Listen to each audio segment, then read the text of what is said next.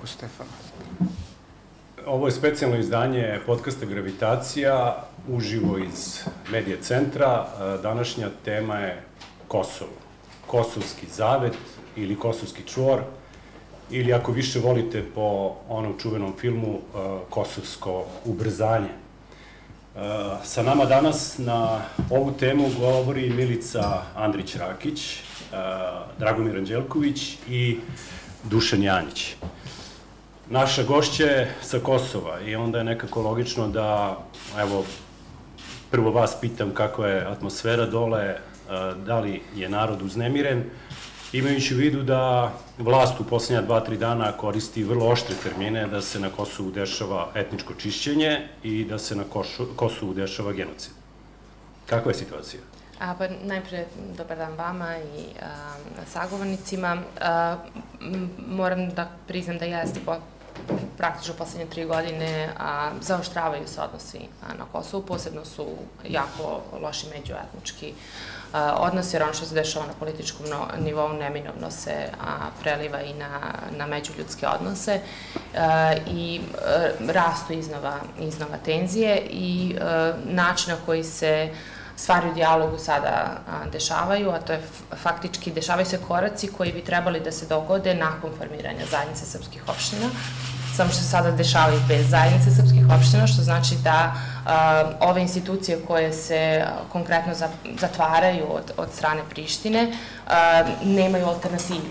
Dakle, s jedne strane zatvarate srpske institucije, sa druge strane ne, pruži, ne pružate alternativu u kosovskom sistemu, zajednicu srpskih opština, a ne ni običnu ovaj, kosovsku instituciju, jer to se čak ne vidi ni u budžetskim planiranjima, ni na nivou Kosova, ni na, ni na nivou lokalnih samouprava u kosovskom sistemu. Dakle, tu nigde nemate plan za integraciju, na primjer, 20.000, odnosno 30.000 radnika srpskih institucija na Kosovu koliko ih sada ima. Dakle, prekidate im dotok novca iz Srbije, a ne nudite alternativu. I to jeste, trenutno delo je zastrašujuće u nekim segmentima nije baš jasno da li u Prištini zaista do te mere ne razumeju kako funkcioniše srpska zajednica na Kosovu ili odlično razumeju i znaju na koji način da, da je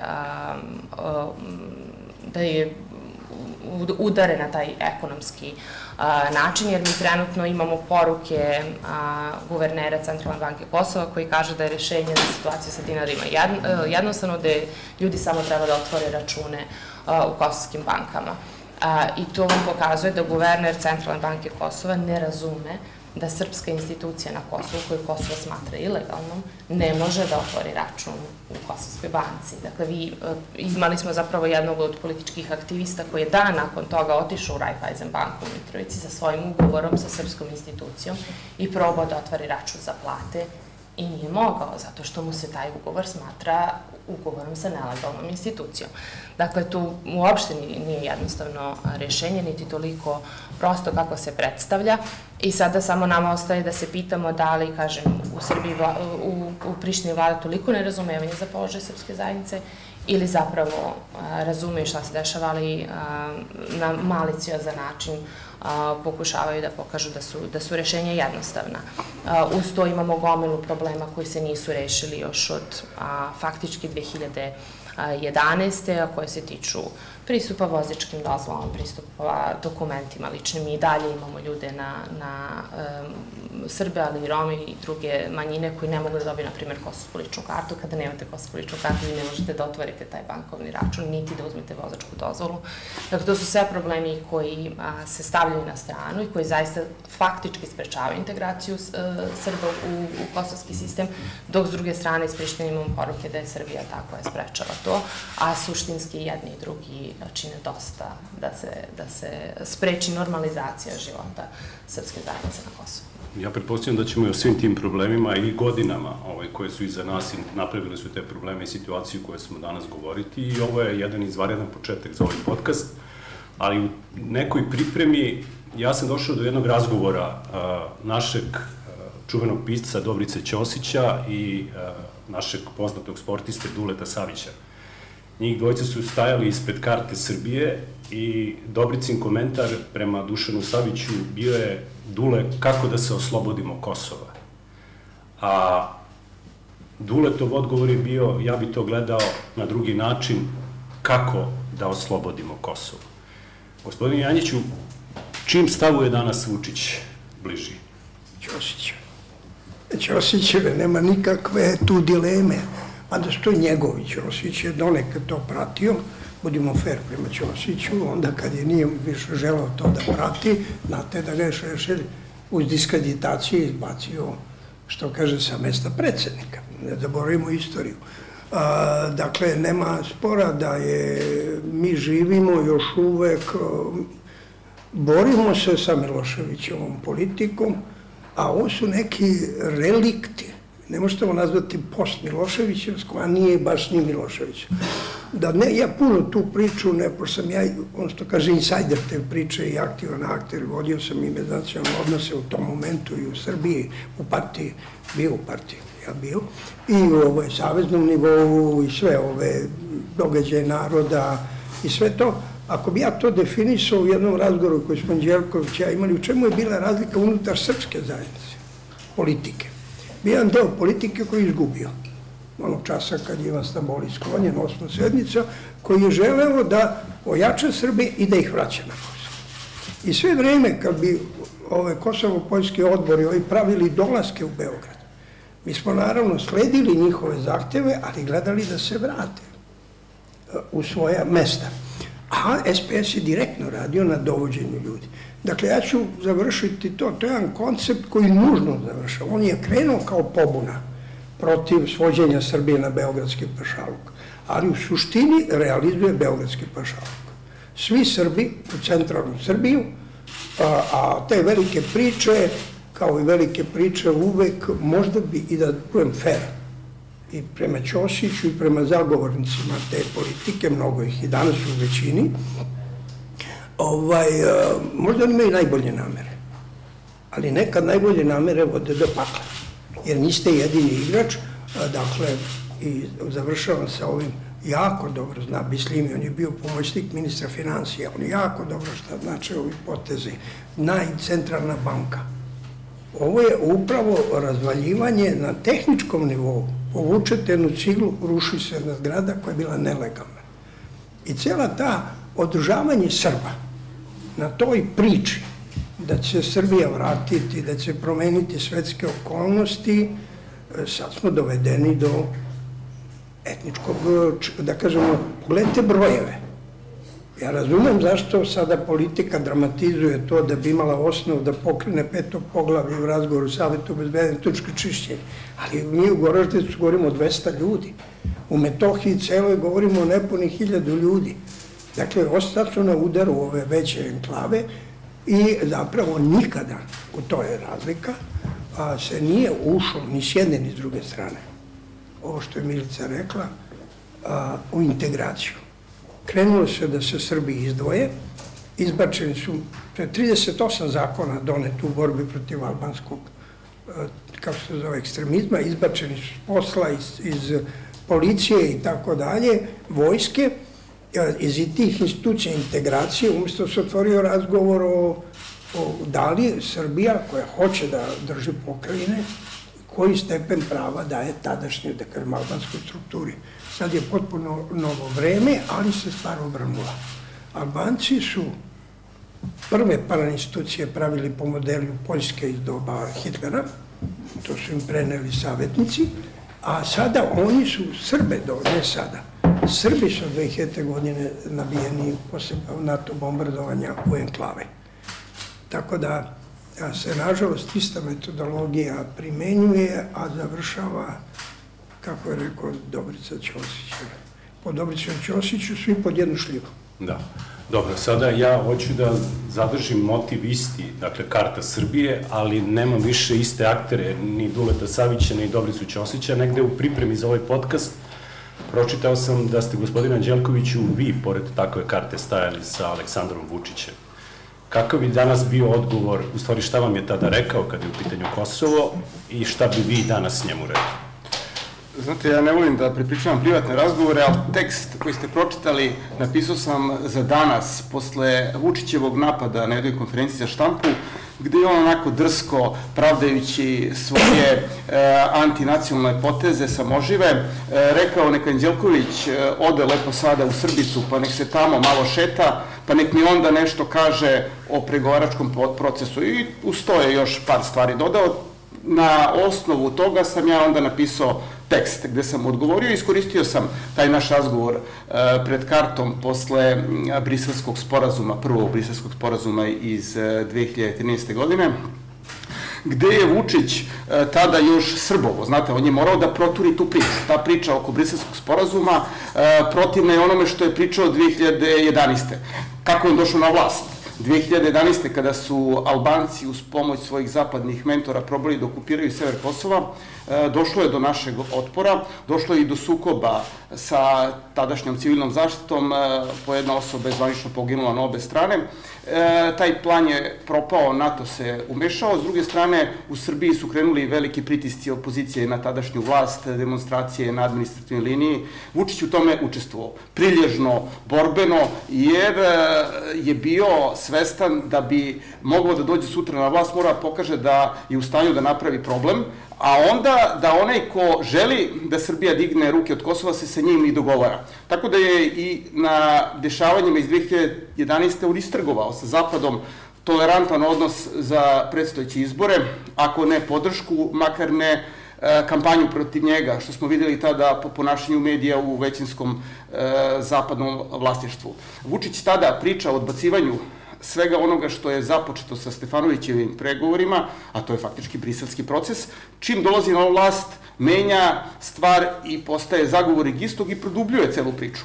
Posle prihvatanja Brisela 1, on je morao nekako tu priču da brani. E, branio je stavom da kako god bilo, on će na kraju naći načina da Srbija potpuno kontroliše sever, da, so, da sever i nije Kosovo, da je to a, teritorija koja neće biti nikako pod kontrolom Prištine, a s druge strane, da ako Priština ugrozi Srbe južno od Ibra, on zna šta će da uradi. Eto, to je taj naš razgovor a, pred kartom, gde nisam bio samo ja, bilo i drugih ljudi, da ih ne pominjem za sada.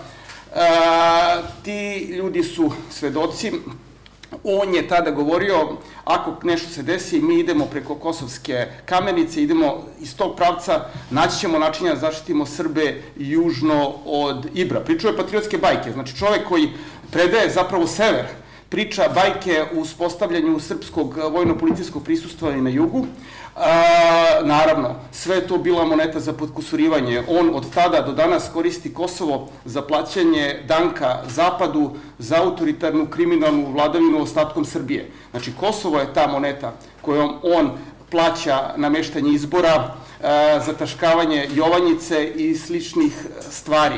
E, tu monetu on polako daje, ili iz te vreće moneta daje ih, ali gleda da ne da sve odjednom, jer kad bi završio celu stvar, imao bi problem, dvostruko. S jedne strane, oni na zapadu koji su tolerisali Norijegu, a otpisali su ga kad im više nije trebao, ne bi tolerisali ni Vučića i bio bi u problemu, tako da gleda da svoj rok trajanja produži.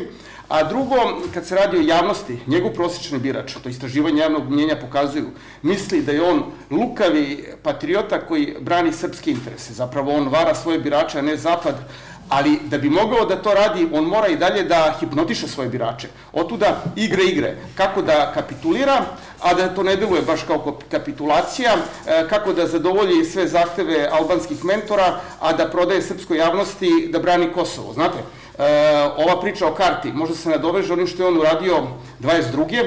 i krajem 23. U novembru 22. ako se sećam, to je bio 6. 7. novembar, on poziva, odnosno podržava Srbe da izađu iz svih institucija na severu Kosova, uključujući policiju, faktički omogućava Prištini da potpuno okupira sever Kosovo, Kosova, već je on to u velikoj meri omogućio ranije, tu podržava zaokruživanje okupacije zbog tablica.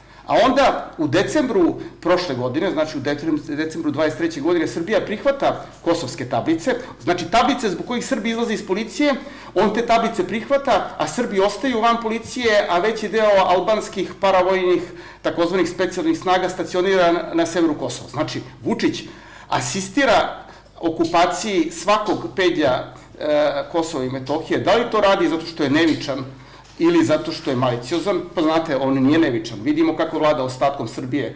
On je tu krajnje maliciozan i Kosovo mu služi za održavanje autoritarne vlasti. E, sad mene Milic interesuje da li Srbi sa Kosova na ovaj način gledaju Vučićevu politiku. Ja moram samo da kažem da sam se s jednim prijateljem nešto neposredno posle izbora u Srbiji čuo da ga pitam kakva je situacija dole.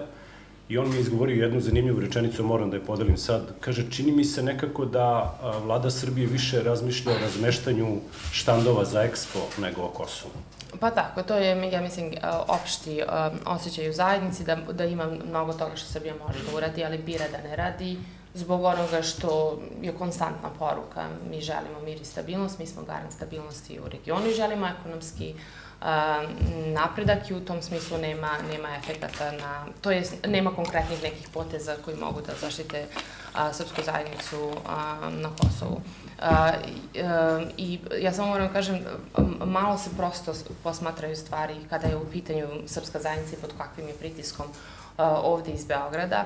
A, iako ne znači da a, ostatak vaše analize nije tačan, ali ja moram stvarno da odbranim kosovske Srbe ovdje, kažem da mi nismo napustili institucije a, zbog tablica. Dakle, to je bio ceo jedan sled događaja koji je kulminirao sa tablicama, ali je tu bilo mnogo, mnogo više toga. A, I ključna stvar zapravo koja je a, prelila, da kažem, a, tu čašu je zapravo prisustvo specijalnih snaga kosovske policije na severu mnogo pre izlaska. Dakle, oni su se pojavili na severu Kosova naprasno tu 21. septembra 2021. kada su se i podigle prve barikade, koje takođe nisu podignute samo zbog tablica. Mi zapravo nismo znali zašto je policija tu tog dana, jer su oni krenuli u sprovođenje te odluke o reciprocitetu bez ikakve a, najave. A, druge posle barikade su podignute zbog hapšenja, zbog prvih barikada Ne, pardon, to su bile treće. A, druge su bile podignute zbog, a, zbog a, najave onom u papiru ulazu, izlazu koji bi zaista nama takođe zakomplikovao život. Dakle, a, kada se gleda iz Beograda, dosta se simplifikuje a, to koliko zapravo srpska zajednica isfrustrirana i koliko ipak ima nekog uticaja na, na vlast u Beogradu, jer vi morate da uložite ozbiljnu količinu napora da sprečite neke stvari unutar Srpske zajednice na Kosovo, ovo o čemu ste pričali. 2011. su se kosovski Srbi opirali Beogradu, 2011. je kosovske Srbe Beograd hapsio zbog barikada nije ih hapsila Priština, nego Beograd. Dakle, ipak ima tu određenog e, nivoa frustracije koji mora da se kontroliše i ne možete u svakom trenutku sve da kontrolišete, nekad nešto morate i e, da pustite. I kosovski Srbi su tražili izlazak iz institucija sedam puta od 2016. godine. Sedam puta je rečeno ne može, ne može, ne može, osmi put je odobreno ipak ima određenog nivoa, znači ne poteže se baš sve iz Beograda, ima i mnogo lo, uh, frustracije na lokalnom nivou koje je jako teško. A dobro, ko se recimo hendla te, kako, kako u ovim, uh, ajde da kažem, dramatičnim momentima za građane Srbije dole, kako funkcioniše srpska lista? Da li fali lider? Ko je lider Srba na Kosovu? Da, to je, to je naš ključni problem. Mi imamo političke predsednike, ali naši politički predsednici nemaju kredibiliteta. I faktički od 2018. kada je ubijen Oliver Ivanović, šta god da Srpska lista iznese kao problem se nigde ne shvata ozbiljno. Ni u široj javnosti u Srbiji, niti u javnosti u Prištini. Prvenstveno međunarodnoj javnosti. I to je naš, naše najveće breme. To što se nama da kažem, ne veruje, zato što dolazi od ljudi koji su izgubili kredibilitet i koji faktički od onda iznova i iznova gube kredibilitet. Jako loše funkcionišu, nema ih u, u zajednici, iako su sada promenili liderstvo, prvu konferenciju, konferenciju za novinare, dakle ne izjavu za nekoliko medija, pažljivo biranih, nego prvu konferenciju za novinare je Zlatan Elek, novi, dakle, predsednik imao pre, tek pre dva dana, jako slabo vidljivi na terenu, prosto ne odaju utisak lidera koji su koji znaju šta rade i koji su samo pouzani. I to je, dakle, naš ključni a, problem, što imate samo nekoliko ljudi, uglavnom iz civilnog sektora, koji a, mogu neki, nekih od problema da podignu malo na, na, na viši nivo sa neverovatnim trudom, zato što naši politički predstavnici to ne mogu jer im se ne veruje. I to je stvara na, na kraju krajeva problem ovde u javnosti u Srbiji, gde se mi banalizujemo. Gde, gde se, znači, sad je to, to prosto skroz rašireno, Srbi su napustili institucije zbog tablica i protpuno je rašireno da, su, da je policija došla na sever nakon izlaska. Dakle, to nije tačno. Dakle, pojavili su se septembra 21. oktobra 21. su imali tu ključnu prelomnu akciju hapšenja koju su potpuno izveli bez koordinacije sa regionom Sever, sa, sa, sa srpskim policajcima, totalno su onemogućili rad srpskim policajcima. Od, 2000, od e, februara 2022. do septembra 2022. dakle 8 meseci pre izlaska iz institucija, izgradili su četiri policijske baze za specijalne jedinice na nelegalno, sada već znamo nelegalno, postoji presuda, suda u Prištini na nelegalno eksproprisanoj zemlji. To je bilo ono što je vodilo taj ključni, ključnu pritisak za izlazak iz institucija. Tablice su samo došle kao jedna od tih poslednjih stvari koja je prela čašu. Pre toga smo imali, kažem, i situaciju sa vakcinama, i zabranu referenduma, i zabranu izbora, uh, počeo su bilo polako i hapšenja, ali, opet podlačim, policija, odnosno sekuritizacija severa, je ključ ove krize. E, jer e, region Sever e, je izdvojen iz regiona Mitrovica, Kosovskog, dakle formiran je u sklopu Briselskog sporazuma kao posebna garancija kosovskim Srbima, da će sami voditi policiju u četiri opštine na severu i onda ste faktički prvi korak iz Prištine je bilo stvaranje tog paralelnog nivoa policije koji je polako oduzimao nadležnosti regionu Sever tu je krenula da, da nastaje ozbiljan, ozbiljan unutar institucionalni problem, jer vam centrala iz Prištine signalizira da, da vama ne veruje, kao srpskim policajcima, šalje preko vas ljude da vrše akcije hapšenja i onda vas dovode u situaciju. I, i onda vas, imali smo taj jedan veći incident gde je um, granična policija pucala na uh, dečka iz Leposavića i ljudi koji su odgovorili, dakle koji znaju, to su njegove komšije, došli su na, na, na teren iz regiona Sever, nisu mogli da mu priđe, priđu, jer, jer im kolege iz Prištine nisu dozvoljavali da mu priđu, jer su ga pretukli da ga, da ga stave u ambulantu, da ga voze nazad. I onda lokalna policija nema kredibiliteta, kredibiliteta kod lokalne zajednice i kaže, pa čekajte, vama dolaze kolege iz Prištine da rade to i to, a vi sedite i radite sa njima. I oni su bili pod velikim unutrašnjim pritiskom zajednice. Dakle, samo mi je to bitno da objasnim da, da nije bar, nismo mi na dugme, ljudi smo, pravimo gluposti, što je vrlo ovaj, evidentno. Ili ćemo tačnije, nije... niste svi na dugme.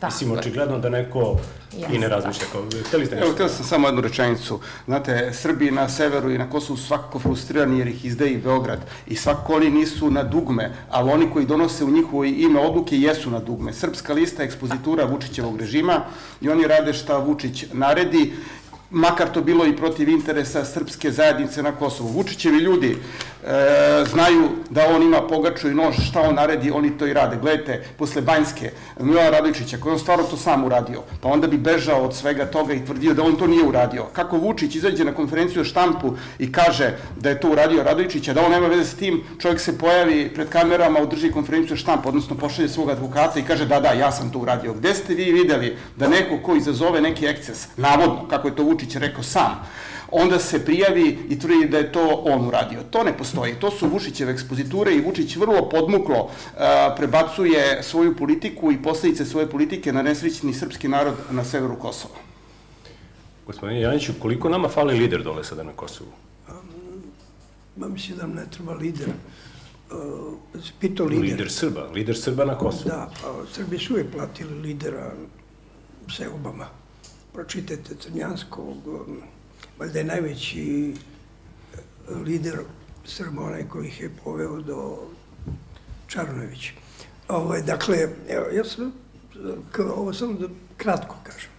To što, kroz što je prošlo, sada govorimo o Srbi koji žive na Kosovu, Kosovo i Srbija kroz to, ne zaboravimo da posle, a, da kažemo, oružanog sukoba, ako možda tako kažemo, mada se pretvorilo jednostranu akciju i dominaciju NATO-a, imate masovno pražnjenje. To ono kreće i u toku Miloševićeve vlasti, što je prikrivano, na primjer, to je čovjek najviše aktivirao da prikrijemo. Jedan od motiva izlaska Srba na one prve integrativne izbore 2000, 2003. kad su bili je da međunarodna zajednica prizna da ima birača Srba 220.000. A onda su upisivali mog oca koji je 41. napustio Kosovo, jer je trebalo prikriti ovaj, da su u doba Miloševića oko 85.000 ljudi otišli. Šta se desi u doba Miloševića? Srbi su izolovani od Albanaca. Stavljeni su jednu situaciju koja je mnogima delovala lagodna, velike plate, 12 upravnih odbora, ali ovi drugi su osjećali da to ne može dugo da ide. Tako da se taj proces nastavio. Posle 99. imamo velike talas, to svi se sećamo, dolaska Srba, a, i u Beograd, i u Kraljevo, po 50.000 ljudi u Čačak i neki su se vratili, ali su ostale kuće.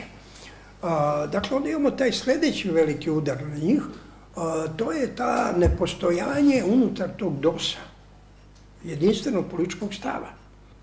A, je jedan stav koji je artikulisao, najdalje otišao Koštunica, ali je poražen u sobstvenoj partiji. Koštunica je shvatio da mi moramo da upravljamo krizom, a ne da je rešavamo. I da znao je on e, pretenzije NATO-a i to je ključ. NATO hoće da pokrije ovaj prostor. I onda su išli s tom mantrom vojno-policijska kontrola da se deli s međunarodnom zajednicom pa i koskim institucijama, a da razvoj bude ostao. Tu sever postaje važan. Jer sever je deo ovoga, da kažemo, rudarenja i ostalog i, i vodotokova koji idu u Srbiju, Liber Lepenac. E, ja ću vam reći detalj i završavam ovaj deo time. A, to je da US Steel kad je došao da kupi Smederevo, on imao garancija da će dobiti Trepču. On ne bi došao u Smederevo. Nije dobio Trepču, to je sad odgovornost i tadašnjih direktora i sukoba unutar. Nije Zoran Đinđić doveo US Steel u, u u a, Smederevo nego Koštunica. Sa dogovorom da se ekonomski jedna multinacionalna kompanija pokrije rudnici. A, dakle, to je posle pobeđenih iz njegovih redova je došao ministar i prevladala je logika da mi treba da se borimo za dve stvari. Prvo da ne priznamo poraz vojni, ne priznamo realnost, da nikad ne izgovorimo da, ni da je okupacija ili za to treba hrabrosti reći ovo je okupirano, ne priznajemo, to mora biti Kina, pa kao Tajvan i ostalo. Pa dobro, to je tražila sada jedna politička partija sa rezolucijom da se hitno proglasi okupacija Mi se znamo iz politike, u politici možeš svašta traži i treba da tražiš, ali ja govorim sada razvoj događaja. I imamo 2004. Ljudi, ne zaboravimo. 2004. je potpuno razbila sigurnost ljudi u perspektivu. Ljudi su se koncentrisali na ovo što mi zovemo Sever Kosova i Milica je to u pravu, ali 2004. ja ću samo ovo citirati, ja sam u pet ujutru dobio sam tada bio tesno povezan sa vladom koja je tek nastajala, ne kao funkcioner, jer čovjek koji podržavao tu vladu. A tad nije postoje, tad je tek u petak je imenovan šef BIE, Rade Bulatović, a u ponedljak krenuo udar. A, vlada Govorimo je... o martu 2004. Ma, martu 2017. martu.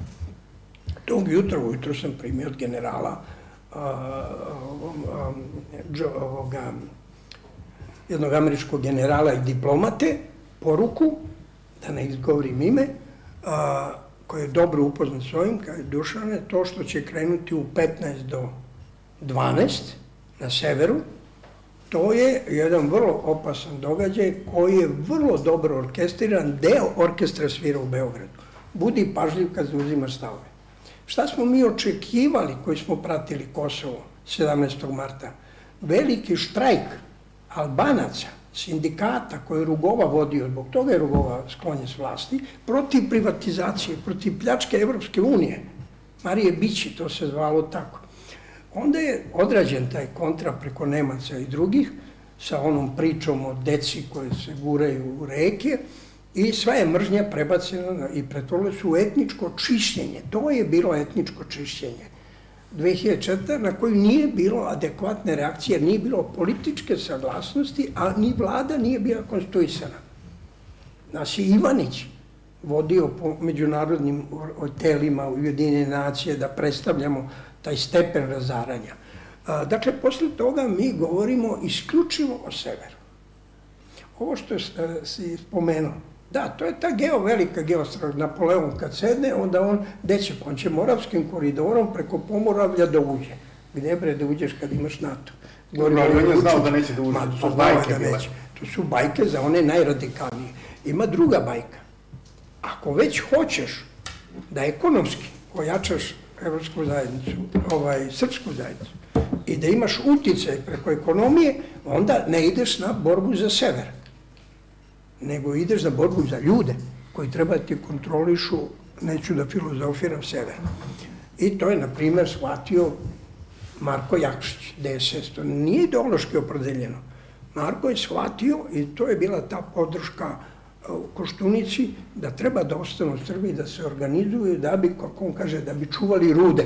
Tako je Marko govorio.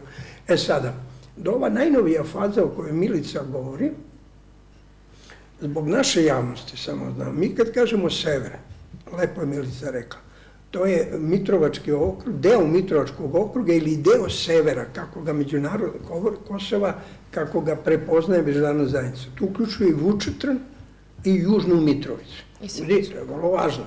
I onda vi pravite mistifikaciju koja se zove zajednica srpskih opština, koja je većinski nastaje na Srbiji. Šta imate sa sledeći talas? Vrlo brzo će se voditi povratak Albanaca u svoje kuće, na imanja, a, u Leposavićovo. Jedan put vi ćete praviti srpsku zajednicu u kojoj će većinski biti Albanci u nekim od tih opština. A, to je taj fabrički a, defekt u samom konceptu. A, SNS je ponudio taj koncept Toma Nikolić na jedan način da je međunarodna zajednica, ona koja je zainteresovana, da dovrši Kosovo, suverenitet Kosova, Zapad, rekla, ok, mi njima damo zajednicu opština, a oni priznaju Kosovo. I posljednja stvar koju sam teo da kažem, po, Milica je to izgovorila, ne samo da kod nas ljudi ne razumeju značaj položaja opstanka ljudi tamo, jer vidite, vi ako nemate ljude tamo, šta će vama manastiri? To su muzeji onda. Nema onda ni, ni, ni kulture, ni niče, to su muzeji. A, a, ako nema vernika, ako nema a, autonomije. A, albanska strana zna značaj zajednice, ali ne želi da ga prizna. Ja sam isključio moj, a očigledno nisam. Ja se izvinjam, molim vas. Ne kako se ovo dogodi, moram, izvinjam se. Neko iz Mitrovice. A ne, mislim, nešto drugo, ja ajde. Sad tu treba, ne možeš da ga skloniš, ja se stvarno izvinjavam. I sad treba da isključim potpuno telefon. I da nastavite misao. Potpuno power off. I da se zahvalimo ljudima iz MTS-a koji pomažu bio. Internet je čudo. Ovaj, a, a nije to prvi put, ja sam s njima u dobrim odnosima. Obostrano se znamo sa svih strana. A, dakle, reći o njihovoj ulozi sada, vrlo opasnoj ulozi u celoj priči. A, dakle, zašto je važno a, I ko je to glavni propust svih politika na koje naravno se nasavi Vučić. Nikada nisu insistirali. Pazite, priznanje nove demokratske države po evropskim standardima iz 90. godine i status manjine zajednice. Pošto nismo priznali da smo došli u situaciju manjine, nikad nismo potegli taj argument. Tog argumenta se drža ove četiri države, zbog svojih interesa koje ne priznaju Kosovo. Dakle, ova najnovija kriza, Albanci, Milice u pravu, nikada, ni jedna vlada, osim posle 2004. 2005. taj pokušaj Tačijeve vlade da otvori kancelariju u Južnoj Mitrovići koju vodio Ilber Hisa. Nikad nije, na, tu je bilo neki pet tačaka integracije. Odmah su leteli stranci. Štajner i ostane. Nisu dozvolili integraciju, nego separaciju, sepkanje, cepkanje kobasice. Ovo je najnovija stvar a to je apsolutno tačno. Srpska lista je pravljena da bi uspostavila monopol nad e, e, jednu komandu, što bi rekli jedno načalije među Srbima, uspostavljena je već 2011. E, nije postojala, tad su sve stranke imali svoje centrale, tamo predstavnike. Kada je Vučić došao 2012. za izbore 2013. napravio Srpsku listu. Srpska lista je imala uh, mantru danas glasate Srpsku, sutra pravimo Srpsku. Obećali su Republiku Srpsku. To je ta laž, to je ta megalomanija koja je data biračima. Ali ona je bila podržana celom infrastrukturom, bije, svih. Tako da su oni šta su radili? Tamo su već postojale neke stranke, neke grupe, Rašić, ovi oni, a, oni su polako to sve gurali, šta god je telo u srpsku listu. I da znači, samo u jednoj rečenici reći, a, pre likvidacije a, e, Olivera Ivanovića, bilo im je mnogo važno da ukinu aktivnu građansku inicijativu, o kojoj niko ne govori, ni Srbi iz Kosova. Aktivna građanska inicijativa je, ako pogledate registar stranaka i grupa, prva od srpskih registrovana u kosovskom registru. A vodili su je poslovni ljudi, najuticajniji sa severa. Likvidacija te stranke značila 150 ljudi priveđeni u Nišku, tamo gde privode u Biju i tako dalje. Jedan od njih, predsjednik te stranke, i umro pod pritiscima. Preuzimanje njihovih kompanija i tada Jača Veselinović. Preuzima Lola Ribar, preuzimaju resurse komande. A onda je ostao jedini otpor Oliver Ivanović. Dakle, tačno likvidacija Olivera, to je kraj. Ali, i to je moja posljednja rečenica, kad se ja pitao u tim razgovorima koje smo stvarno imali, i sa Markom Đurićem, i s Koštunicom, i u Privrednoj komori, a, nije to bilo dugih razgovora, kratkih, ja sam uvijek zagovarao onu seljačku srpsku logiku, nikad ne stavlje sva jaja u jednu korpu. I kog sam ja razumeo, Vučić je to prelomio negde 2016. Sva jaja u korpu srpske liste i tada počinju dve stvari koje nas koštaju. Prvo, totalna likvidacija aktivne građanske inicijative i drugih, A, tako da trenutno nema lidera, nastaju svaki dan, to Milica bolje od mene znaju, i mlađih ljudi, uglavnom, kao što je bilo i na početku mišeparskoj sistemu u Srbiji iz NGO sektora, iz intelektualnih novinarskih krugova, interesantne inicijative i političke grupe, bit će, javit će se vodstvo, tu, tu život ne može da zaustaviš, a ovaj, Dve, e, kad sam ja pitao čemu vama služe takvi ljudi, imenovao sam ovu dvojicu, jeli, koji svi znamo, dobio sam odgovor. Pa vi demokrate, vi nikad ne bi ništa rešili. Ako se dogovori podela, pa neko neće da ide iz svoje kuće, treba neko i da baci bombu. Pa mi su prvo bacali bombu na Srbe, palili automobile, tako je zavođen red. E pa znači, da. nasilje i to je kraj. Nasilje eskalirala, Milica rekla, ne bi da zaboravimo, to je važno i za Đerkovića da ga iskoristimo. Nasilje ovu krizu eskalirala od 2002. juna, dovela da je to duboka bezbednostna kriza. To nije samo institucijna kriza Kosova, kriza srpske zajednice, duboka bezbednostna kriza u kojoj je Srbija uvučena da bude jedan akter, a drugi, drugi akter, ne jedini, je NATO. Milice, da li onda narod, e, građani na Kosovu imaju strah da iz tih nekih političkih okvira stvari ne krenu kao oružanim sukobima? Imali smo Banjsku koja se desila, koja je bila, da kažem, ozbiljni incident. Da li je moguće da se to ponovi? Da li narod ima dole strah? To je jedno pitanje. I drugo pitanje je kako, e, ako smo već prešli priču lidera na Kosovu, imamo li vremena da napravimo novog lidera na Kosovu? Kako gledate na lidere u Srbiji i neko nejedinstvo i nedefinisane odgovore prema vama šta u stvari država očekuje, izuze floskula. Neko bi da šalje vojsku na Kosovo, neko bi da ga prizna, neko bi da ga razgraniči. Koliko ta konfuzija vama kvari odnosi pogled ka Beogradu? Pa najprije da krenemo od, od eskalacije nasilja. A, imate ljude koji strahuju toga i ljudi koji se tome nadaju. A, opet, ja moram da kažem da je zajednica pod teškim psihološkim pritiskom jako dugo. Imate jako puno ljudi koji hoće samo da znaju šta je kraj. Ako već mora da dođe do eskalacije, bar da znaju sa, sa koje će strane završiti. I ti ljudi e, stvari posmatraju ovako šta god da bude. Oni će biti, njihova budućnost je Srbija. Dakle, ili će biti proterani i završiti u Srbiji, ili će doći do mm, meke podele ili čega već i vratiti se Srbija na Kosovo. Dakle, to su, to su te dve a, opcije koje oni vide i to je ta, da kažem, e, pa neka vrsta psihoze, prosto zbog čega se toliko zaista veruje Beogradu, jer nemate drugu e, alternativu i kažem, kako god da se stvari završe, vaša budućnost, kako je vi gledate, je u Srbiji, jer nažalost, nije albanska politička elita nije mogla, nije uspela u tome da, da uh, učini da se srpska zajednica na Kosovo osjeća uh, dobrodošlo, posebno ne ova poslednja. Jer mi kada poredimo, na primjer, period između 2013. i 2015. 16.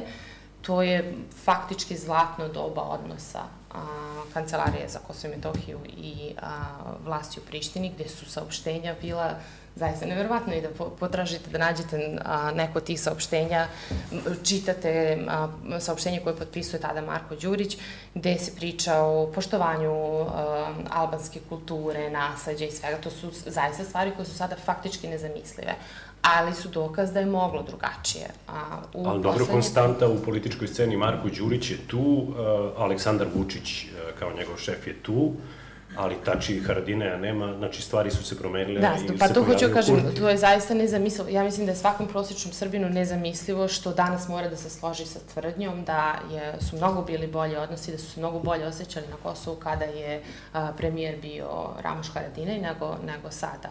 Znači to a, je zaista, zaista nevjerojatno. Mi smo, svi smo znali da dolazi radikalna politička opcija, ali mera do koje oni ovaj, um, seju, seju mržnju je zaista nezamisliva.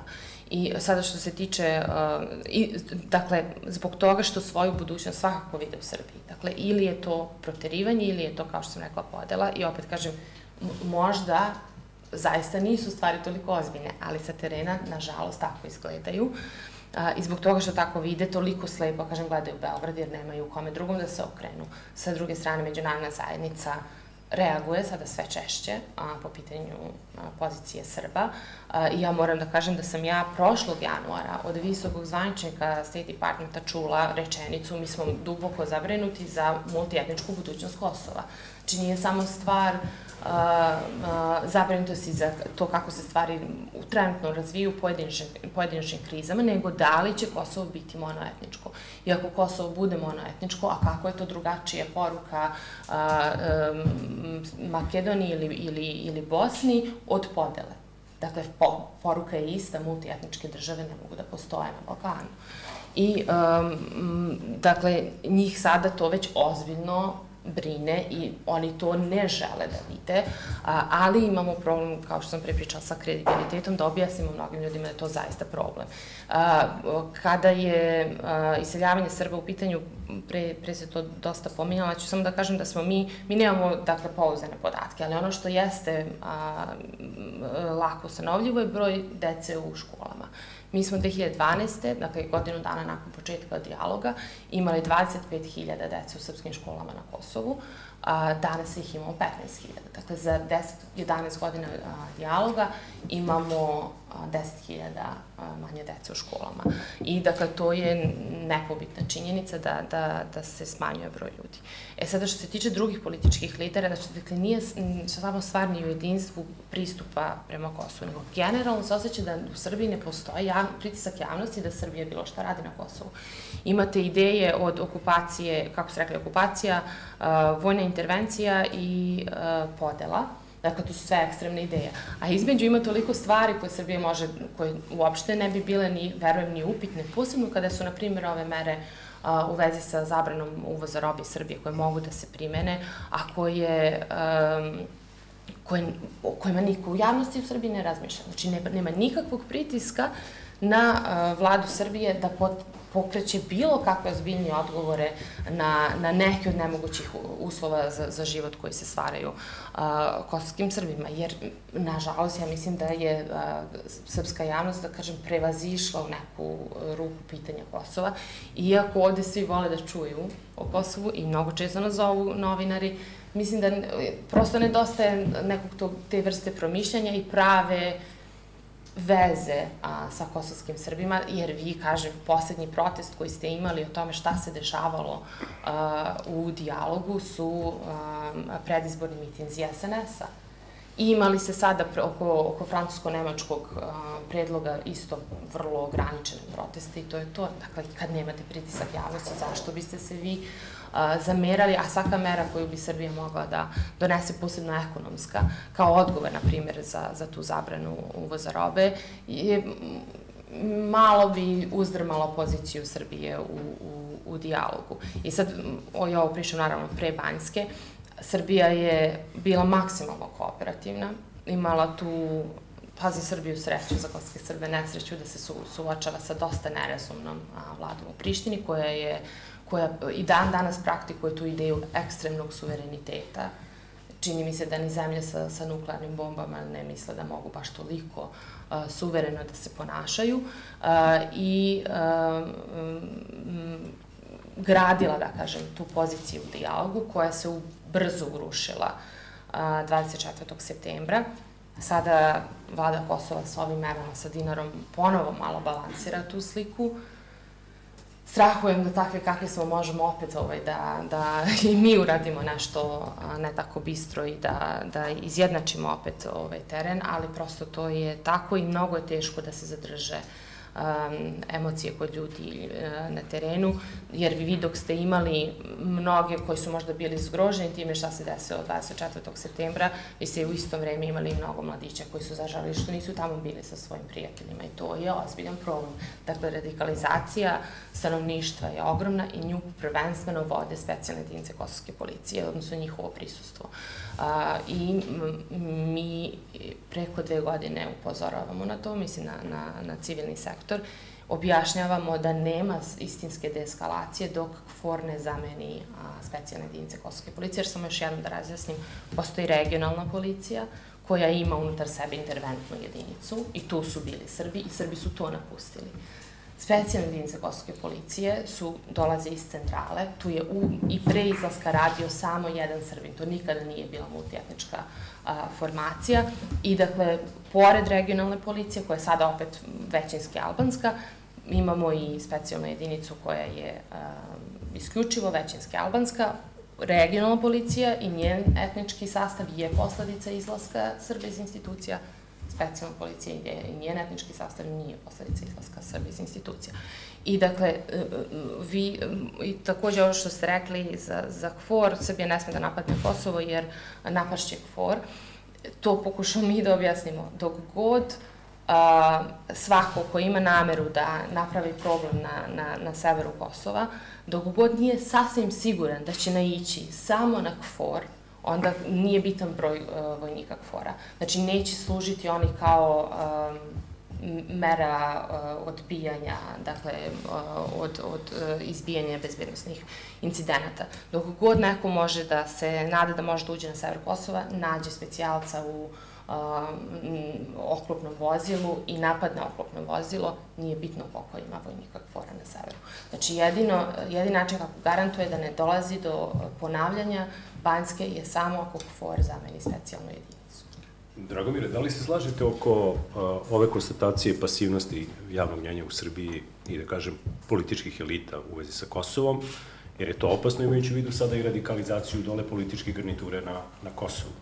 U velikoj meri se slažem. Kosovo je kod nas uh, zanemarena tema a ne bi smelo tako da bude. Ne samo zbog Kosova, znate, Kosovo je deo Srbije, naš narod je na Kosovu, naša je obaveza da im pomognemo, a Kosovo nadilazi sve to. E, znate, Ustav Srbije, u 114. članu nalaže predsjedniku Republike da brani teritorijalni integritet, uključujući i odbranu Kosova. Preambula to isto nalaže svim državnim funkcionerima.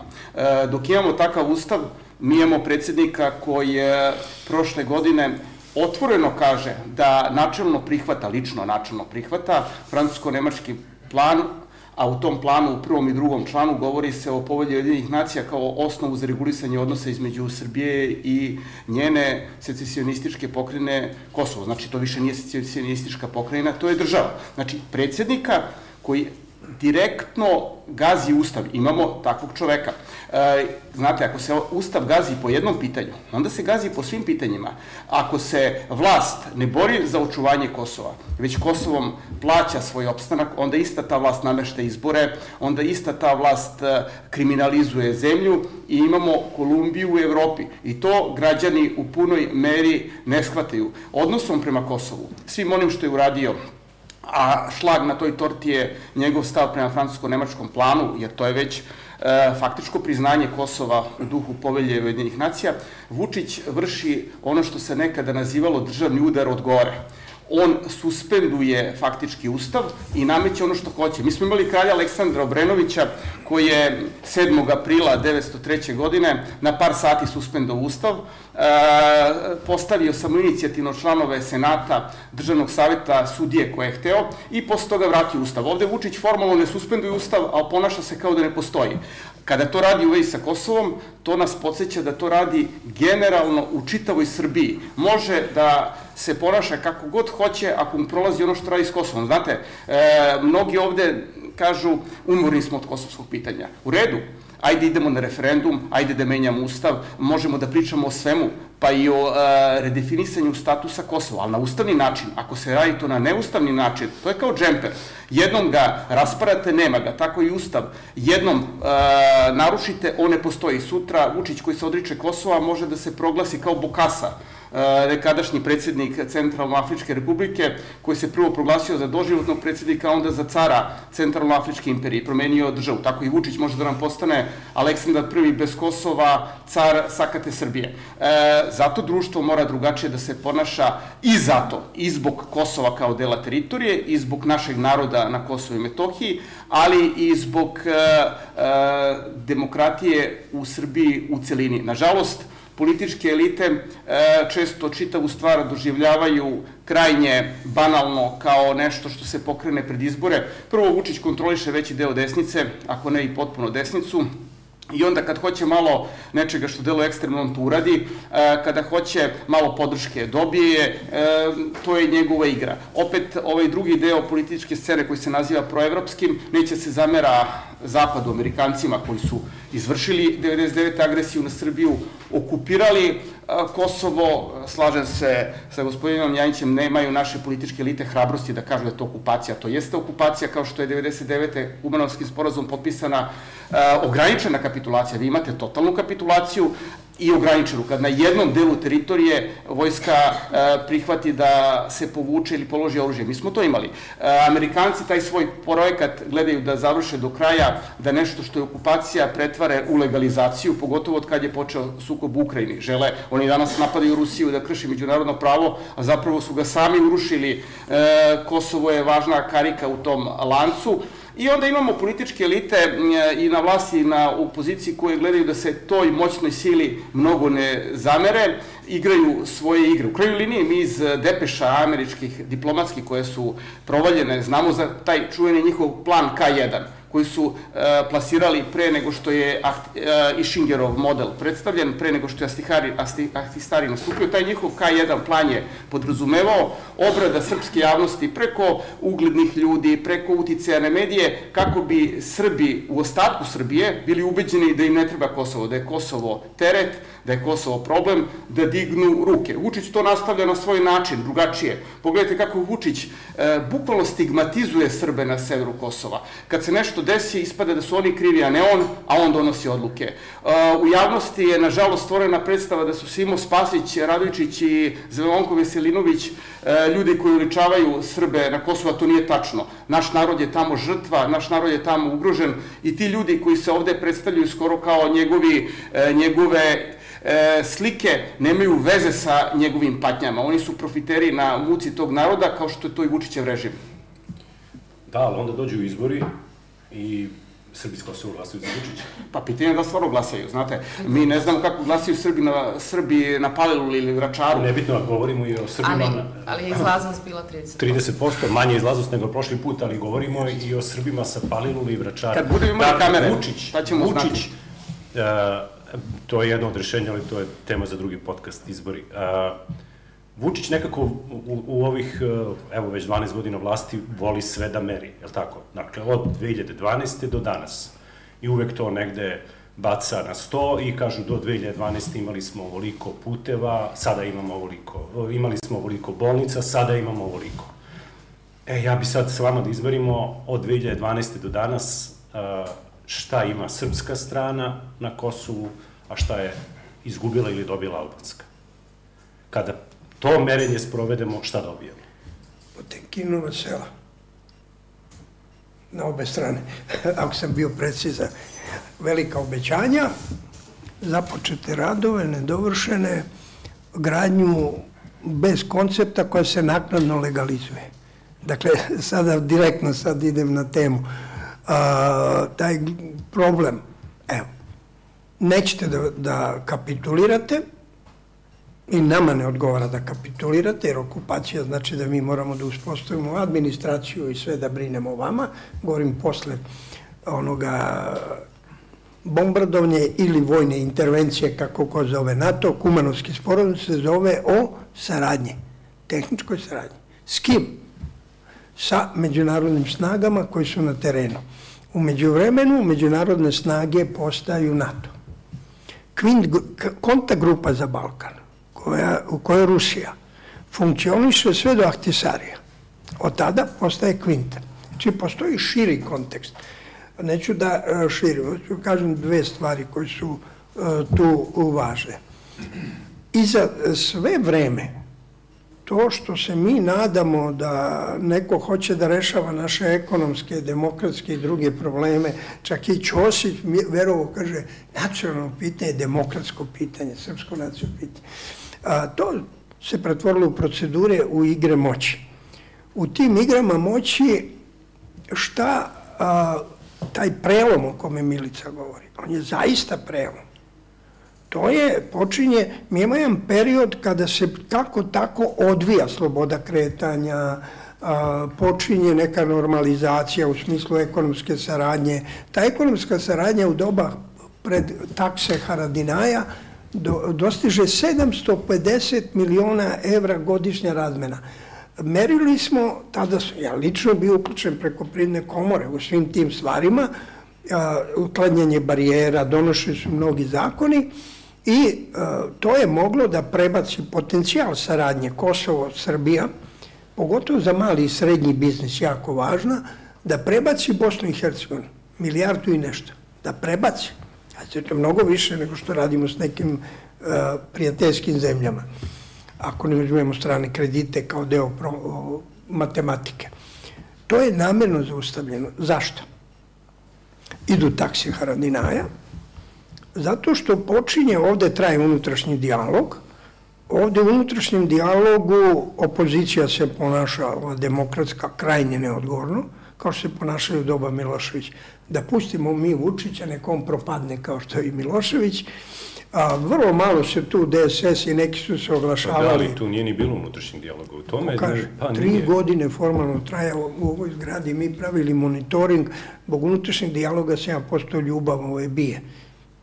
Bije koju vode ljudi koji su učestvovali u antiterorističkoj, anti-albansko, ono kaže, vojno-policijska akcija protiv terorizma. Šta je izašlo kao rezultat Sad, te samo da kažem, Ljudi koji su u strukturama vojno obavešteni i civilne bili vrlo odgovorni za gluposti, kao što su Panda a, i a, e, ovaj, kako se zove, prekazi i ostalo, sada su uticajni.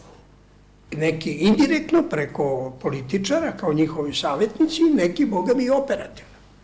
Ti ljudi neće priznati svoje greške. Neće, oni su solidarni. Zato imamo presudu kakvu imamo od Čuruvije. Zato će Oliver, svi sve znaju, nikad se neće znati.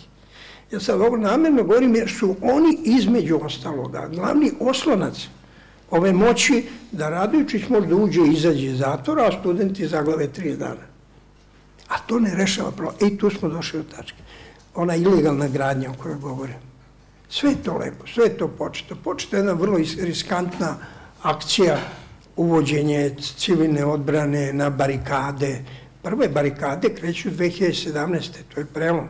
ali ne idu za zajednicu opštine, nego za ne damo trepču, pa štrajk, pa je tako Srpska lista menjala socijalno-ekonomsku politiku, došla je na zajednicu opština i to je pretvorila u kontrolu teritorije koju je izgubila. Dakle, nema e, odgovor direktan na tvoje. Ako je preko ovih de facto postojećih e, e, kao što zove, institucije u srpskom sistemu, a, Srbija imala neki utice.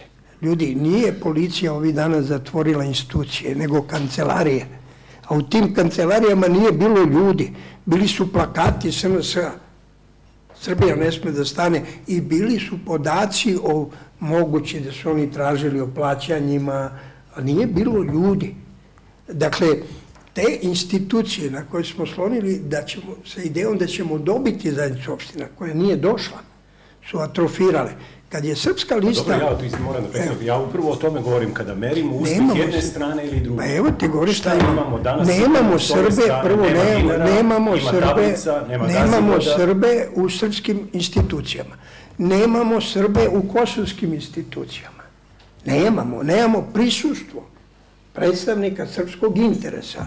Imamo neku abstraktnu borbu koja sad ide na Savet bezbednosti, ko je kriva.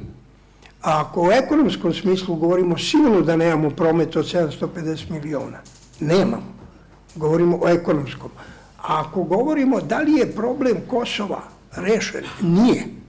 To je ono što ne razume. Kao što Albanci ne razumeju značaj statusa srpske zajednice za status Kosova.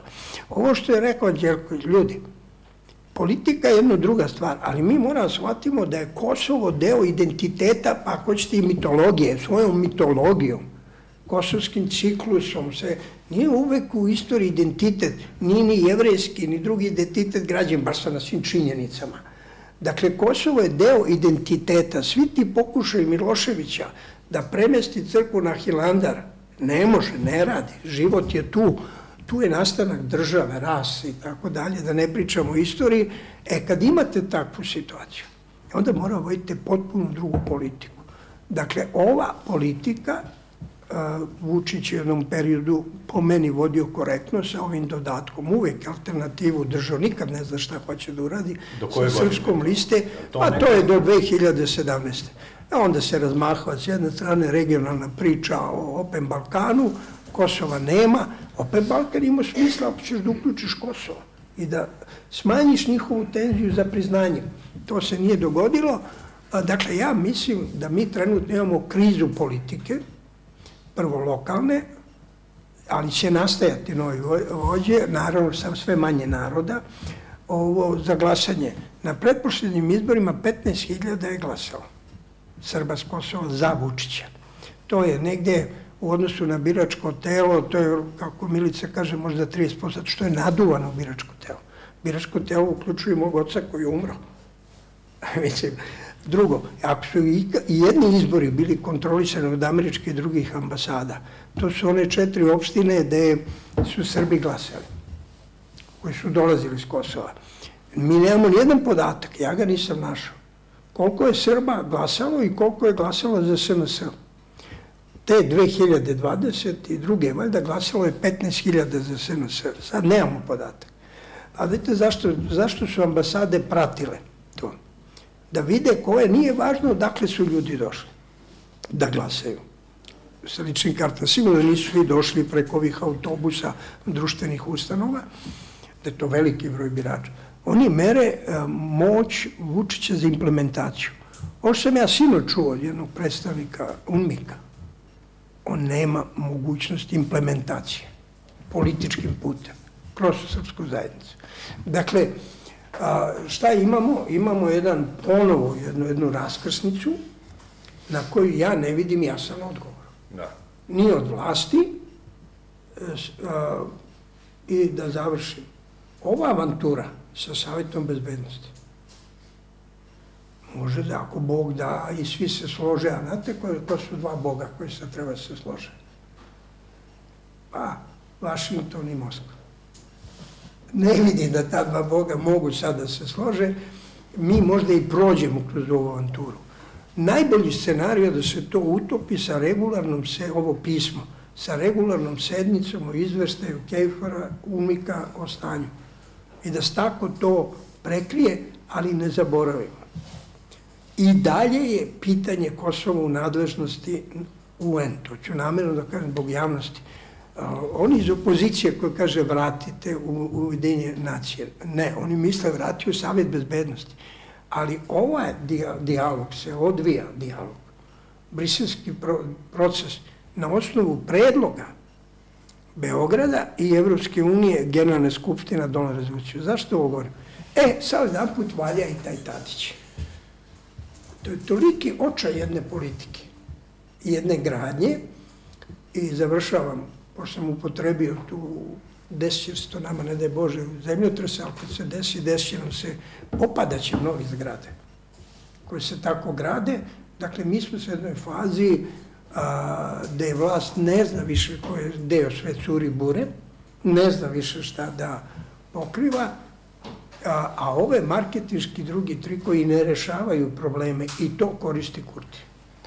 Gospodine Đelkoviću, sad oko vlasti to smo protresli, ali Dule je dao dobru tezu i evo negde na kraju ove naše razgovora uveo nas u te međunarodne okvire. A, šta će odlučiti dva, polo, dva boga, Washington i Moskva i ajde ja bi sad stavio i Brisel, kao eto, neka bude polubog.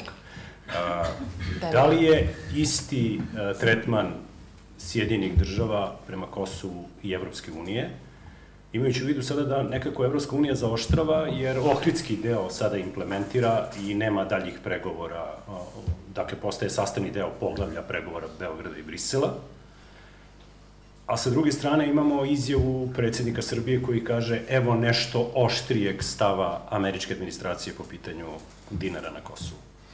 Znate, u tom I naravno pogled Moskve ka nama i ka Kosovu.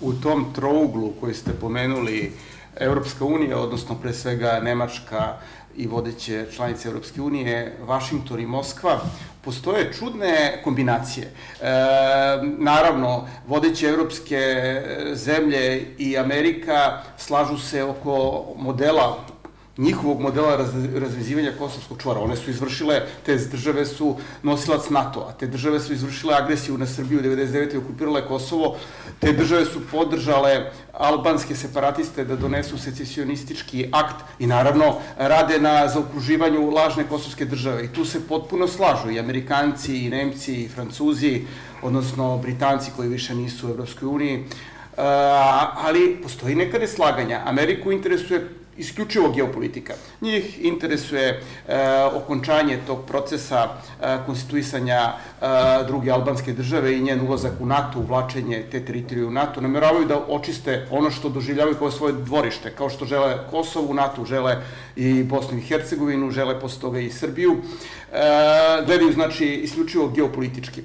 Ne interesuje ih niti demokratija kod nas, niti uh, u onom delu Srbije koje je okupirano Kosovu, ne interesuje ih ništa drugo. Uh, kad se radi o Nemcima, oni ipak imaju malo drugačiji stav. Znate, Nemačka ne želi u svom dvorištu da ima Evropsku Kolumbiju, ne želi državu gde postoje Jovanjice, ne želi državu gde se potpuno nameštaju izbori, tako da m, i Nemci, to smo videli i po njihovim reakcijama posle ovih poslednjih nameštenih izbora, E, postavljaju neka pitanja koja ne može Vučić samo da plati kosovskom monetu. S Amerikancima je lako. Da, oko Kosova šta oni hoće i onda okrenu glavu. Nemci nisu spremni do kraja da okrenu glavu i tu postoji neka razlika, ali strateški gledano sve zapadne zemlje guraju uh, koncept uh, uh, oživljavanja kosovske marionetske svoje tvorevine. Kad se radi o Rusiji, Rusija ima win-win situacija oko Kosova. S jedne strane, Rusija, nema sumnje, podržava Srbiju da nastavi ono što je zapravo pozarska odbrana, ali da nastavi odbranu Kosova, da se taj proces kapitulacije ne okonča. E, Zaharova se obratila Vučiću prošle godine sa javnim pozivom da e, uz podršku Rusije i Kine pokrene u Savetu bezbednosti razgovor o ne znači samo stanju na Kosovu, nego o nepoštovanju rezolucije 1244 od zapadnih sila koje stoje iza Euleksa, koje stoje iza Umnika, kvora. Tako da Rusija mu je to ponudila, je ruski u svakom slučaju interes da se pokaže na najvišem nivou da Zapad krši međunarodno pravo i da ne poštuje dogovori za kojih je čak i sam stao. Opet Rusija ima korist i ako Vučić kapitulira. Ako Vučić kapitulira i prihvati e, francusko-nemački plan do kraja, on ga je mm, usmeno prihvatio, ali taj plan još nije prošao kroz sve institucije kroz koje bi morao da prođe, ne zato što Vučić sam ne može da donese odluku, nego on ne ulije da donosi negativne odluke u formalizovanom vidu samostalno. On donese odluku, onda njegova neka sekretarica koja je premijerka tipa Brnabićke to potpiše ili neko drugi. Ali svakako kad bi se taj plan e, prihvatio, to bi Rusi u, u narednoj fazi koristile, koristili kao model na koji bi se pozivali za regulisanje u nekoj tački odnosa sa Kijevom. Tako da Moskva i ovako i onako profitira, ali činjenica da Moskva ipak na nas nije izvršila agresiju, da Moskva nije okupirala jedan deo srpske teritorije i da nam, e, makar teorijski, pruža podršku odbrani Kosova. To što Vučić to ne radi, to je drugi problem. Znate, ovde mediji naši pod njegovom kontrolom i mnogi njegovi glasnogovornici svaki dan pominju Kurtija. Svaki dan je Kurti na tapetu. Pa znate, Kurti radi svoj posao. On je lider albanski sa vrlo ekstremnim stavovima. U krajnjoj liniji u mitologiji te njegove partije se nalazi ono što se desilo 2007. Kada, su, kad, se, kada je Astisarijev plan plasiran i kada su tadašnje kosovske vlasti bile spremne da ga prihvate, šta više, on je ugrađen u njihov ustav, e, organizuje demonstracije i u sukobu s policijom dva pripadnika te organizacije ginu. Njima je to mitski događaj. Oni tog dana prave manifestacije, polažu cveće, taj Kurti je samo dosledan, on se bori e, za ono što on smatra da je interes njegove nacionalne zajednice, nama problem nije samo Kurti, nama je problem onaj ko se u Srbiji ne brori za naše interese, već trguje njima i prepušta ih. Samo bi još jednu rečenicu rekao apropo vašeg pitanja e, Janjiću o tome šta se dešavalo 12. a šta danas, šta se promenuo. Pa jedna bitna stvar. 12. godine e, Albanci još nisu kontrolisali sever. Postala je srpska civilna zaštita, postale su srpske institucije, Srbi su potpuno kontrolisali skoro sever uz međunarodne institucije. Priština tamo ništa nije mogla.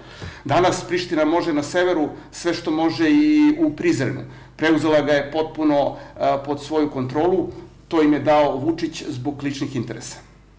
Pa dobro, znači hoćete da kažete 10-0, ali sad za njih strane. Naravno, znate, Vučić je došao da. na vlast sa onom idejom, mi nećemo vladati Prištinom, a Priština neće Severnom Mitrovicom. Mi dalje, mi dalje ne vladamo Prištinom, ali oni vladaju Severnom Mitrovicom. Privodimo kraju ovaj naš podcast. E, Milice, pitanje za vas, e, imaginarno, sedimo za četiri godine od današnjeg dana, evo, pozovemo ovo isto društvo, samo da smo živi i zdravi.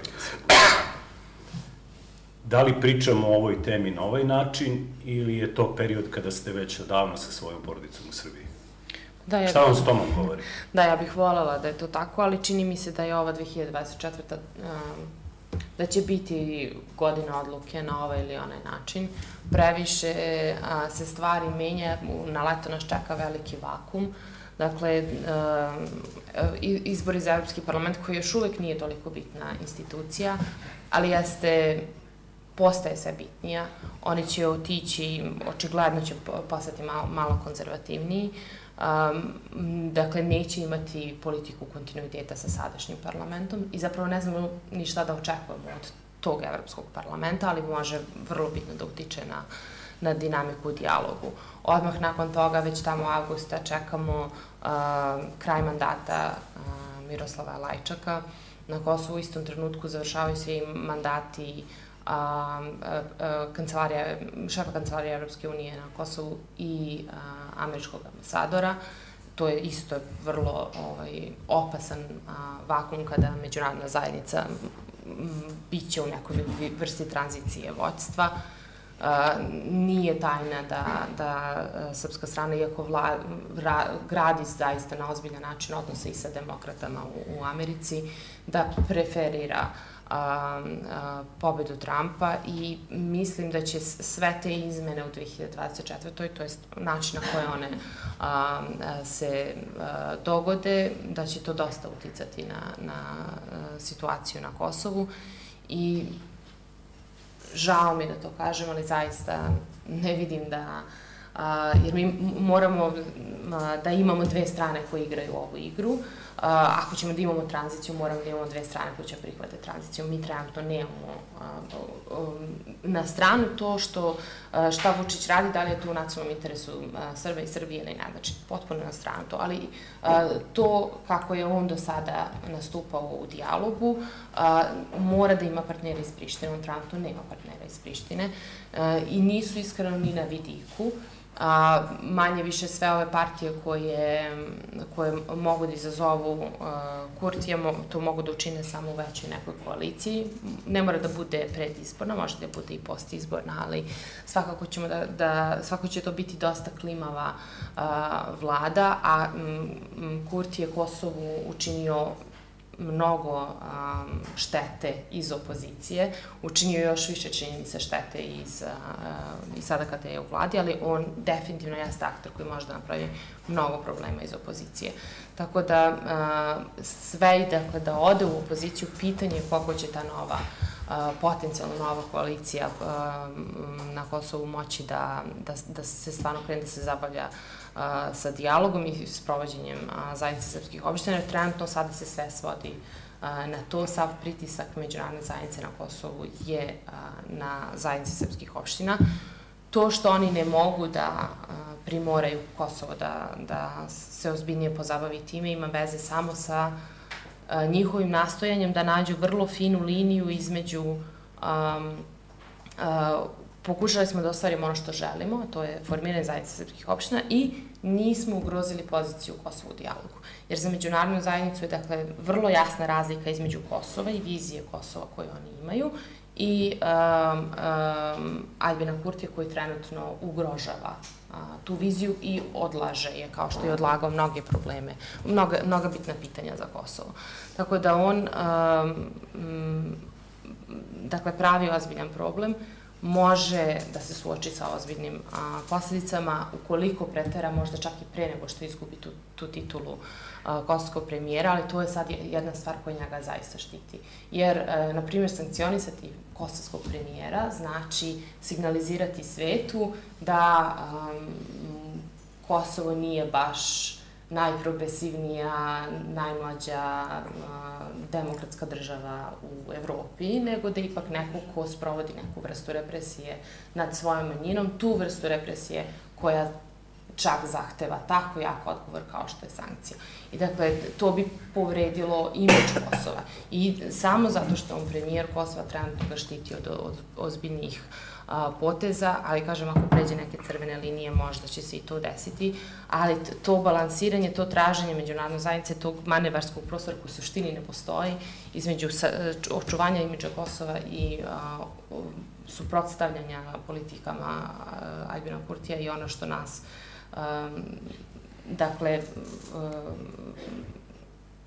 osakatilo nam je zajednicu, A s druge strane, nažalost, mi nemamo dovoljno, pre sam pričala, i naši politički predsjednici nemaju dovoljno kredibiliteta da um, ubede međunarodnu zajednicu da je taj trenutak sada, kada treba da prelome, a u isto, uh, u isto vreme, um, nažalost, brojne reakcije srpske javnosti na, na bilo kakva saopštenja, bilo kvinte, bilo um, EU u vezi sa dešavanjima na Kosovu su uglavnom, ma oni to prave alibi Kurtiju, suštinski ga podržavaju, ali samo javno daju izjave. I mi ne koristimo te izjave. Jer sve to sve i je to tako. Vi, vi opet možete, imate napokon izjavu kredibilnog partnera na zapadu, dakle State Department ili Europske unije, i vi možete da zakucate sa tom izjavom, možete da zakucate na vrata europarlamentaraca i da sa njima pokrećete pitanje a, a, pozicije kosovskih Srba. Mi to ne radimo, mi kažemo to su oni tamo dogovorili, sve je to gotovo, bukvalno se raširi maksimalni mogući defetizam, ti pokušaj međunarodne zajednice koji možda jesu skromni, ali su jedini koji imamo, se delegitimizuju i mi kao zajednica, ali i javnost u Srbiji, ne činimo ništa da bar koristimo te, te, te izjave u najvećoj mogućoj meri, jer ih sami, kažem, odbacujemo ih prosto, ma nije to ništa, oni to kao da State Department sedi i razmišlja svakog dana kako da pokrije Kurtija, pa ajde sad kao mi hoćemo da mu pomognemo, ali evo neka izjavica da da, da se pravimo da to nije tako. Zaista mislim da je to su, to su vrlo štetni ovaj, stavovi, spadaju u one a, stavove u banalizaciji pozicije kosovskih Srba i sve to zajedno ovaj, nama mnogo komplikuje a, i da a, objasnimo poziciju srpske zajednice na Kosovu, ali i da promenimo nešto konkretno van Beograda. Dule, isto pitanje. Za četiri godine da li pričamo o ovoj temi Pa ili neće- ova tema će biti da? Neće se mnogo promeniti, ali ova nova realnost koja se sad uspostavlja će biti dovršena. E, ceo mehanizam upravljanja kosovskom krizom, kad je u pitanju, se bojim da nisu shvatili političari u Srbiji, pa ni Vučić, kad je u pitanju za- zajednice je kreiranje tih etapno novih realnosti. A oni često nastaju posle nasilja. 2004. 99. Banjska. I to je nasilje. Da li je samo nasilje, vreme će, na primjer, evo, za te četiri godine jasno ćemo znati, svakome će biti u Srbiji jasno, da li je 2002. bila koordinacija sa Zapadom kad se krenulo u ubacivanje vojske policije civilne odrede na barikade, ili je to bilo jedan promašeni politički akt povlačenje Srba institucija i te barikade sa naoruženim ljudima. A, mislim da ono već sada što mora da se radi da bi za četiri godine mogli da pričamo o izborima za Srpsko nacionalno vijeće, to je redefinisanje politike Srbije kad je u pitanju mehanizmi zaštite Srba. Prioriteti moraju biti status Srpske pravoslavne crkve, kulturno nasledđe, a ne nekakva administracija zajednice opštine i Srpsko nacionalno vijeće kao koordinacija manjinske samouprave. A i ono što ćemo sigurno za četiri godine tamo pričati povodom Kosova, o ostacima UNMIK ako ih bude za četiri godine. Jer polako UNMIK gubi svoj prostor, a njegov prostor je na kraju bio šestomesečni izveštaji i ovaj, Udenje nacije i e, briga o zajednicama.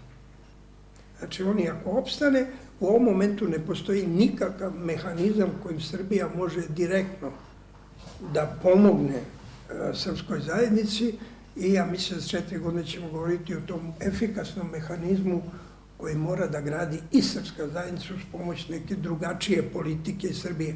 I sam kraj, bojim se da za te četiri godine, ovaj, naravno, ne bojim se, nego ja sam prisustvovao promeni mnogih elita. dakle, ja vidim kraj Vučića i te ekipe. I nadam se da ćemo za četiri godine govoriti o jednom gorkom periodu koji je iza nas, a to je ovaj koji sad živimo.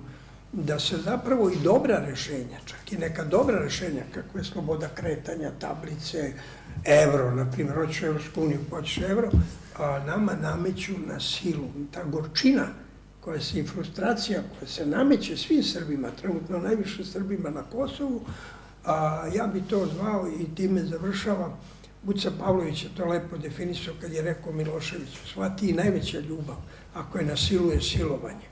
E, nadam se da ćemo za četiri godine a, razgovarati o tom silo, tim silovanjima kao prošlosti i imati malo drugačiju, ali ne tako veselu atmosferu. Kako se završava i da li se završava paralelni život dva naroda na jednoj teritoriji? Paralelni život se nikada neće završiti, samo pitanje je kako se odvija i gde se odvija. I kada par srpskih porodica živi u Prizrenu, u nekom stanu ili Prištini, izolovani od ostatka građana tih e, mesta, i to je paralelni život, samo nesrećan paralelni život. Mi ovde pričamo o paralelnom životu Srba koji su negde organizovani, imaju svoje institucije, škole, e, imaju nivo bezbednosti koji im omogućava da žive kao zajednica. Nažalost, Vučić ih je doveo u situaciju da su možda danas manje ugroženi Srbi u Gračanici koji su u velikoj meri već integrisani u albansko društvo na način da su prihvatili su manjina, nego Srbi na severu koji su dugo mislili da su svoji na svome u u pravom smislu da su građani Srbije i da albanska vlast tamo neće doći. E, Vučić je do, do, do toga doveo. I znate, ja bih se nadovezao na vaše pitanje za četiri godine kad bi pričali. Jednu stvar e, znamo, a jednu ne znamo. Ovo što znamo, nažalost, to je da će Srba biti manje. Vučić je razorio mehanizam odbrane severa, doveo ih je u jako težak položaj i e, za četiri godine bit će verovatno 7000 srpske dece ili 9, ali manje nego što je danas. Taj proces odliva našeg naroda i demoralisanja se nastavlja jer ga režim i Srbije demorališe kao što demorališe i celu Srbiju kad se radi o odbrani Kosova. Znači, taj da, deo znamo, samo je pitanje koliko će stvari loše biti. Ono što ne znamo, to je da će Vučić biti u stanju e, da do kraja prevari svoje birače. Vučić bi verovatno već prihvatio faktičko priznanje Kosova potpisano, da nema birače svoje koje on vara da brani Kosovo, da je on lukavi patriota koji brani nacionalne interese, a ne neko ko ih izdaje. E, malo je njegovih birača spremno da podrži formalizaciju kosovske kapitulacije. Tako da vidjet ćemo da će u narednom periodu biti u stanju da i u tom segmentu prevali svoje biračko telo. Do sada ga je varao, a uz neke nijanse, a znate, ovde je već crno ili belo. Dobro, dakle, ostaje otvorena mogućnost da se za četiri godine vidimo i opet pričamo o Kosovu. Hvala vam što ste bili uh, gosti podcasta Gravitacije, vama hvala što nas pratite. Uh, sledeće specijalno izdanje Gravitacije u studiju Medija centra biće isto tako bolna tema za Srbiju, iskopavanje litijuma i Rio Tinto. Gledajte nas. E,